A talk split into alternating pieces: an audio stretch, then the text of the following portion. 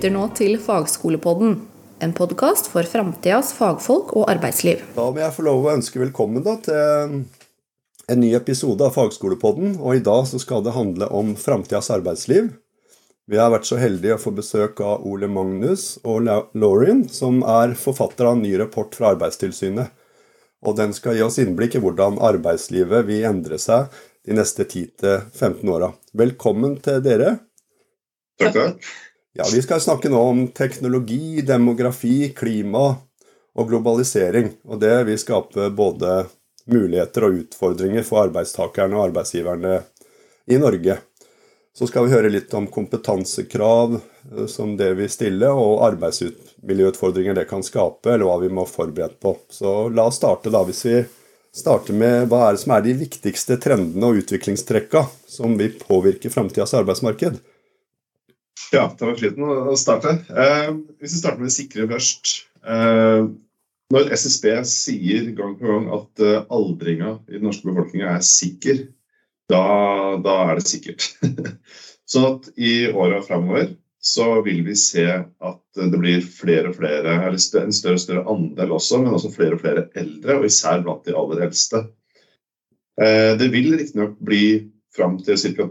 2052% flere i arbeidsfør alder. Eh, men det er langt større vekst i pensjonistene, altså især de gamle pensjonistene. Så den såkalte forsørgerbrøken, hvor mange, eh, hvor mange i arbeidsfør alder som må forsørge eh, pensjonister, altså betale for det, da, eh, det kommer til å, å bli, bli, mindre. Så, så at det blir det blir større si, belastning på, på, de som eh, må forsørge. Og så kan man si ok, hva slags implikasjoner av det her? Jo, det har selvsagt implikasjoner direkte for eh, helse- og omsorgssektoren. Men det har også implikasjoner for skatteinngang og, og offentlige inntekter. og så vet vi at fødselstallene er rekordlave. De er litt mer usikre enn aldringa, men det skal nå til for at det kommer opp på et nivå hvor hvor vi er på 2,1 barn per kvinne. Det er ikke så mange som fødes 2,1 barn, men, eh, men, det er det man i snitt må ha for at befolkninga skal holde seg stabil uh, over lang tid uten uh, innvandring og utvandring. Og Det store usikkerhetsmomentet her er den siste komponenten i befolkningsutviklinga. Det er inn- og utvandring. Før Ukraina-krigen, eller før fullskala invasjonen fra Russlands side av Ukraina, så så vi at det var vanskeligere og vanskeligere å få tak i arbeidskraft fra utenfor uh, Norge. Og norsk arbeidsliv har i stor grad vært, eller betydelig grad vært basert på uh, især EU-borgere som kommer og, jobber i Norge i kortere eller lengre tid. Med fullskala invasjon i Ukraina så ble dette enda mer uoversiktlig. kan man si. Vi har fått nå godt over 40 000 flyktninger fra Ukraina. Men i tillegg så er det også andre ting som er i spill. Eh, lønninger i Norge kontra potensielle sendeland er nokså viktig. Jeg vet at I et land som Polen så har ting gått veldig godt. og Det gjør at polakker er mindre interessert i å jobbe i Norge. Og det er veldig forståelig. De vil heller være der de, der de er. Så det er ikke like lett nå lenger å rekruttere arbeidskraft fra andre EU-land. Og så er det også det at automatisering framover eh, som Lauren sier litt, vil også redusere etterspørselen i noen bransjer. Så det er, det er litt, litt, vanskelig å forutsi. Men SSBs framskrivinger tilsier i hvert fall at uh, det vil bli litt mindre nettoinnvandring til Norge. Og så, sånn makroøkonomisk, da, så, så, har vi hatt globalisering nokså lenge nå. og Det er i form av at arbeidsprosesser stykkes opp og utføres der det er billigst. Det har vært en prosess som har pågått, eh, lenge. Sånn at uh, man setter ut at man offshorer hele virksomheten, eller outsourcer deler av, av det man driver med. Det er uh, det har blitt veldig mye vanligere, og det blir trolig også noe vanligere framover. Men og fram til 2020 så ville jeg kanskje enda, og kanskje enda mer nylig sagt at det, det her uten å nøle. Men jeg må innrømme at jeg har blitt litt mer, litt mer, reservert her nå. Så i den nye, når vi skal oppdatere det vi skriver nå, så kanskje vi kommer til å være litt mer eh, måteholdne her. Eh, ting har skjedd. altså Den fullskala invasjonen av Ukraina har, uh, har, skjedd.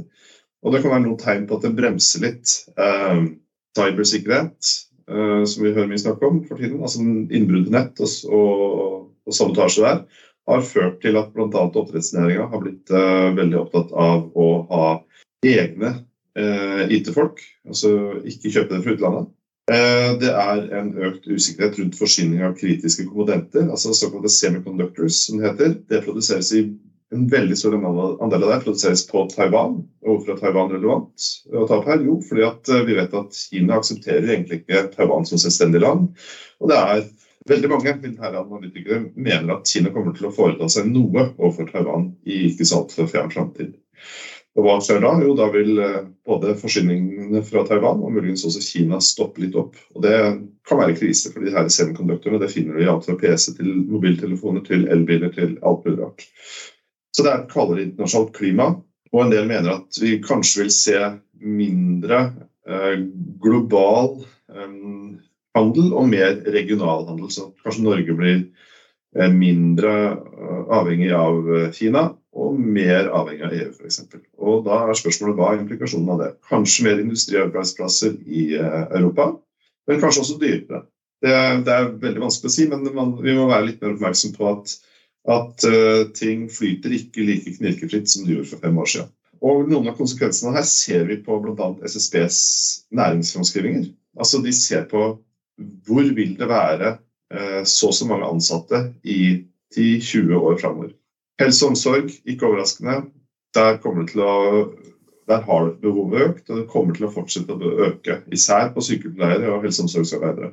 Så der er det, si, Hvis du vil ha jobb, så er det nokså sikker, sikker utdanning å ta der. Eh, privat tjenesteyting ellers vil også sannsynligvis øke. Så antar SSB at petroleum faller kraftig, men det her er svært avhengig av olje- og gassprisen og etterspørselen etter det. Hvor, hvor, hvor, mye vil man få for det? Eh, kontra andre kraftkilder, f.eks. Og når petroleum, hvis, når man antar at det faller en god del, så ser man også at uh, deler av industrien, altså disse konsumindustrien, faller en del, og varehandelen faller en del. Som konsekvens av at folk kanskje får litt dårligere kjøpekraft. Uh, det vil bli strammere offentlige finanser.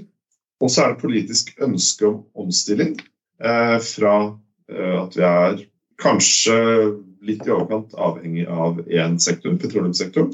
Eh, så det er et ønske om omstilling der. Det er usikkert hvor mye vi vil se. Det krever politisk eh, vilje. Jeg kommer litt tilbake til det. Men jeg tror eh, ja. Så det er et ønske om at vi skal, ha, at vi skal gå fra, mer, fra en nokså petroleumsavhengig økonomi til mer kunnskapsøkonomi. Og da er jo neste spørsmålet Det var en veldig fin avslutning der, Ole Magnus. For da er spørsmålet mitt hvordan vil dette med kunstig intelligens og roboter påvirke arbeidsoppgavene våre? Eh, den teknologiske utviklingen, eh, altså de konsekvensene den, eh, generelt kan ha på arbeidslivet, er jo egentlig et tveegget sverd. Den teknologiske utviklingen har preget arbeidslivet og livet vårt generelt veldig mye de siste par tiårene. F.eks. ble bredbånd internett kommersielt tilgjengelig i privatmarkedet i Norge rundt året 2000. Eh, og kun ti år senere hadde over 70% av alle norske husstander et bredbåndsabonnement. Og så innenfor de neste ti årene etter det igjen, så har vi plutselig muligheter for kontekstuavhengig arbeid um, ved bruk av hjemmekontor uh, pga. bl.a. internett. Så har vi også jobber som eksisterer utelukkende pga. internett, som Uh, alle kjenner til de influensere som tjener til livets opphold på uh, sosiale medier. Uh, vi har nettbutikker som er stedsuavhengige, Um, også muligheter for ulike organisering av arbeid i f.eks. plattformøkonomi, der folk kan få oppdrag via apper og sånn, som også ble muliggjort pga. internett. Um, så dermed så vet vi ved å se tilbake at Altså, Vi vet hvor utrolig mye som kan skje i løpet av bare et par tiår. Uh, og det samme tror vi kan fort skje når det gjelder kunstig intelligens. Uh, kunstig intelligens er en av de mest sentrale teknologiene som vil prege den teknologiske utviklingen fremover.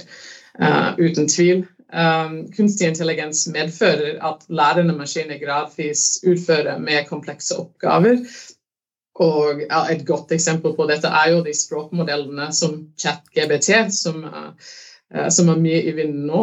Um, og kunstig intelligens den vil kunne bistå oss mennesker når vi skal gjøre vanskelige valg uh, og viktige vurderinger.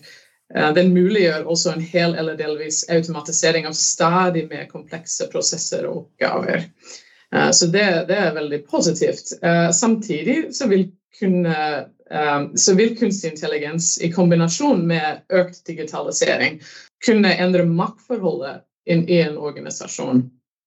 Og Det kan gjøres på to hovedmåter. Altså Maktforholdet mellom ulike grupper arbeidstakere kan endres når enkelte klarer å tilpasse seg nye digitale verktøy eller arbeidsmetoder fortere eller bedre enn andre.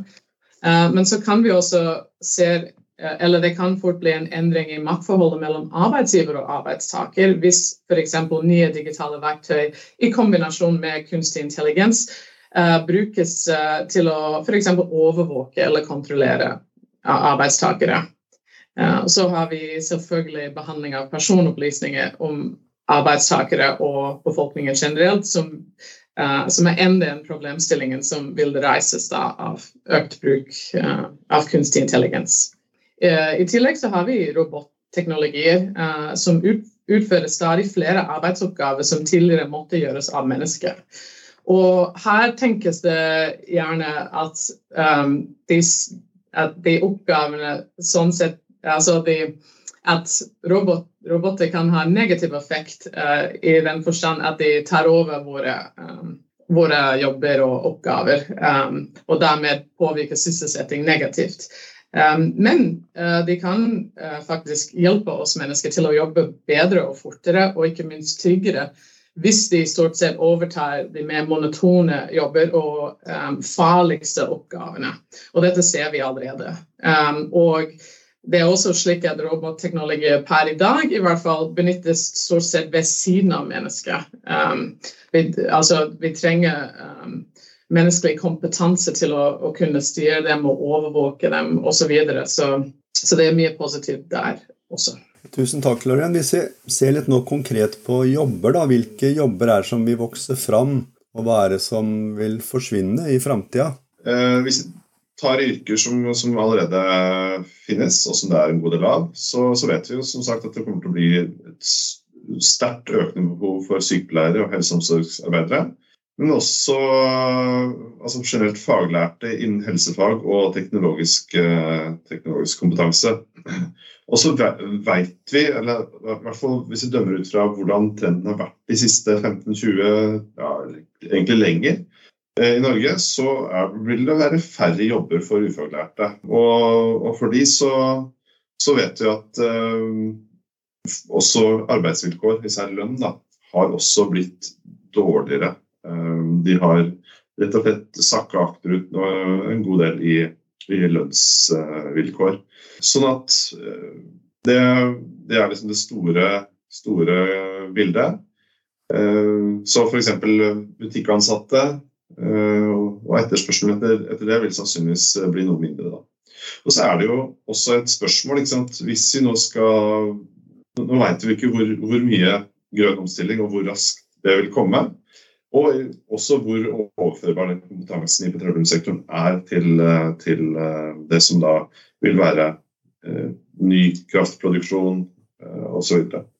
Det er et kort svar på et eh, veldig interessant og, og nok nokså komplisert spørsmål som vi kunne, kunne diskutert i store veier. Men, men, det er litt farlig å si noe veldig sikkert der. Men, men at helse- og omsorgsarbeidere, sykepleiere og folk med teknisk kompetanse, at det vil bli økt etterspørsel etter de, er, er veldig sannsynlig. Du har jo vært eh, litt inne på, på det, men liksom mer spesifikt den kompetansen da, som trengs i, i framtidas arbeidsliv. Altså, hvordan kan arbeidstakere og arbeidsgivere holde seg oppdatert og tilpasse seg nye krav? Eh, når det gjelder kompetansekrav fremover, um, så det er i hvert fall uh, rimelig sikkert, om ikke, om ikke sikkert, at høyere utdanning generelt sett vil bli enda viktigere og helt avgjørende. Det vil si at eh, etterspørselen etter høyt utdannede arbeidstakere generelt sett forventes å gå opp. Og allerede nå er det stadig flere kontorjobber som krever minst en mastergrad i Norge. Og med alt det automatisering um, som foregår og vil fortsette å foregå, så bli, vil det altså etter hvert bli stadig mindre um, eller færre monotone arbeidsoppgaver og, og stadig flere kunnskapsintensive uh, stillinger fremover. Ikke minst i forbindelse med at um, Norge må, uh, er nødt til sakte, men sikkert etter hvert å satse litt mindre på petroleumsnæring og naturressurser, sånn som fisk, olje og gass, og ja, bevege seg over til med såkalte kunnskapsintensive næringer. Dvs. Si å kunne produsere varer og tjenester som som krever altså, um, høyere kunnskapsnivå. Så generelt sett så vil høyere utdanning bli stadig viktigere. Um, men altså, hvilken kompetanse spesielt altså, Det trekkes ofte frem, uh, som Ole Magnus var inne på, altså det tekniske kompetanse. Uh, det er jo helt klart uh, blir mer og mer relevant med tid. Um, mens dette om men mens dette er viktig, um, så er det veldig mye som tilsier at det blir, det blir disse personlige egenskaper, eller det som ofte kalles de myke ferdighetene, som, som, vil være, stad, være, stadig viktigere fremover. og det, det, inkluderer evne til å tilpasse seg endringer. Um, fordi den endringstakten som kommer med fort, fortsatt teknologisk utvikling, vil også øke. Så her er det snakk om og at arbeidstakere vil forventes å kunne oppdatere seg og være ja, eh, flink til å tilegne seg ny kompetanse altså hele tiden, hele, under hele karrieren. Og kanskje til og med gå bort fra den kjernekompetansen som de uh, har i bunn uh, fra den mastergraden de har. Um, så det, det, er det vi, vi, ser. Så jeg vil, vil si at um, en av de viktigste um, Eh, kompetanse altså, uh, he, altså arbeidstakere bør ha mer, kanskje mer fokus på å bare være innstilt på at man aldri blir ferdig utlært. Hvis vi ser de her store, store draga da, og, og, driverne som presser fram endring, hvordan vil det kunne påvirke helse, miljø og sikkerhetsarbeidet og arbeidsvilkåra? Sånn grovt sett, hvis den utviklingen vi har sett i senere år eh, fortsetter, så vil de fleste ha det bra, og kanskje litt bedre til og med enn eh, det, enn det som har, eh, har vært. Altså Vi ser f.eks. sånn som Lawrence sa, robotisering gjør for industrien, har gjort industrien betraktelig sikrere. Altså Er det en, er det en uh, fabrikkhall nå, kontra 30 år siden, så, så er det barrierer og alt mulig rart som gjør at det skal mye mer til for å skade seg. Um, sånn at Der er det andre problemer som, uh, som, kommer, eller som kanskje har vært der hele tida, men som da man kan prioritere, sånn som uh, psykososialt arbeidsmiljø. Og, og, Det som også er viktig å ha i mente her, altså det kommer sannsynligvis til å bli knapphet på arbeidskraft framover. Og når det, hvis jeg tenker tilbud etterspørsel, så, så vil det i, i stort eh, gjøre, gi arbeidstakerne litt sterkere kort på hånda. Eh, men det her, være, det her, er litt usikkert, og det vil være ujevnt fordelt mellom næringer. Det her er også noe som berører politiske valg, rett og slett. Vi har en norsk eller nordisk modell som, som har noen særtrekk når det gjelder arbeidslivet, som gir eh, arbeidstakerne nokså sterke rettigheter. Og, det er jo politiske valg hele tida som treffes som, som, som, påvirker hvordan den nordiske modellen eh, virker. Og altså vi, har et system som, som er nokså eh, inngripende kan du si, i, i, arbeidslivet. Det systemet må vedlikeholdes og reagere på ting som kommer. da. Nei, jeg tenkte bare, jeg kan um, også skyte inn med uh, litt mer overordnet um, HMS-utfordring um, som kommer nok uh, i, i nærmeste fremtid. Uh, og Det er et begrep uh, som heter for teknostress i forbindelse med nettopp med den uh, økt digitalisering som vi ser, og, og, bruk av stadig flere digitale verktøy.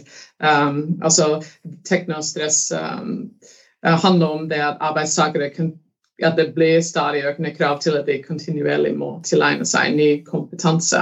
Og når dette går ut over uh, atferd og, og følelse og i det hele tatt fører, til psykisk uh, stress, så om, omtales dette gjerne som teknostress.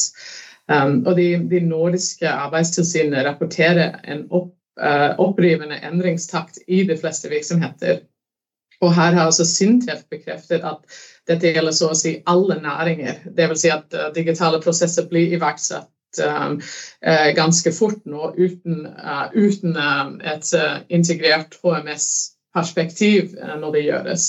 Um, og, og, da blir det desto viktigere fremover å, um, å, jobbe for å redusere risikoen for nettopp teknostress og andre psykiske belastninger. Um, for å sikre at, at teknologien og, og, digitalisering at den forsterker uh, en følelse hos de arbeidstakere av autonomi, og ikke fører til at de opplever at de taper autonomi. Um, men hvilke tiltak eh, eller strategier anbefaler dere for å fremme et godt og seriøst arbeidsmiljø i, i framtidas arbeidsliv? Um, jeg, jeg, kan starte med um, det som heter det psykososiale arbeidsmiljøet. Og dette dreier seg først og fremst om de sosiale og mellommenneskelige forholdene på arbeidsplassen.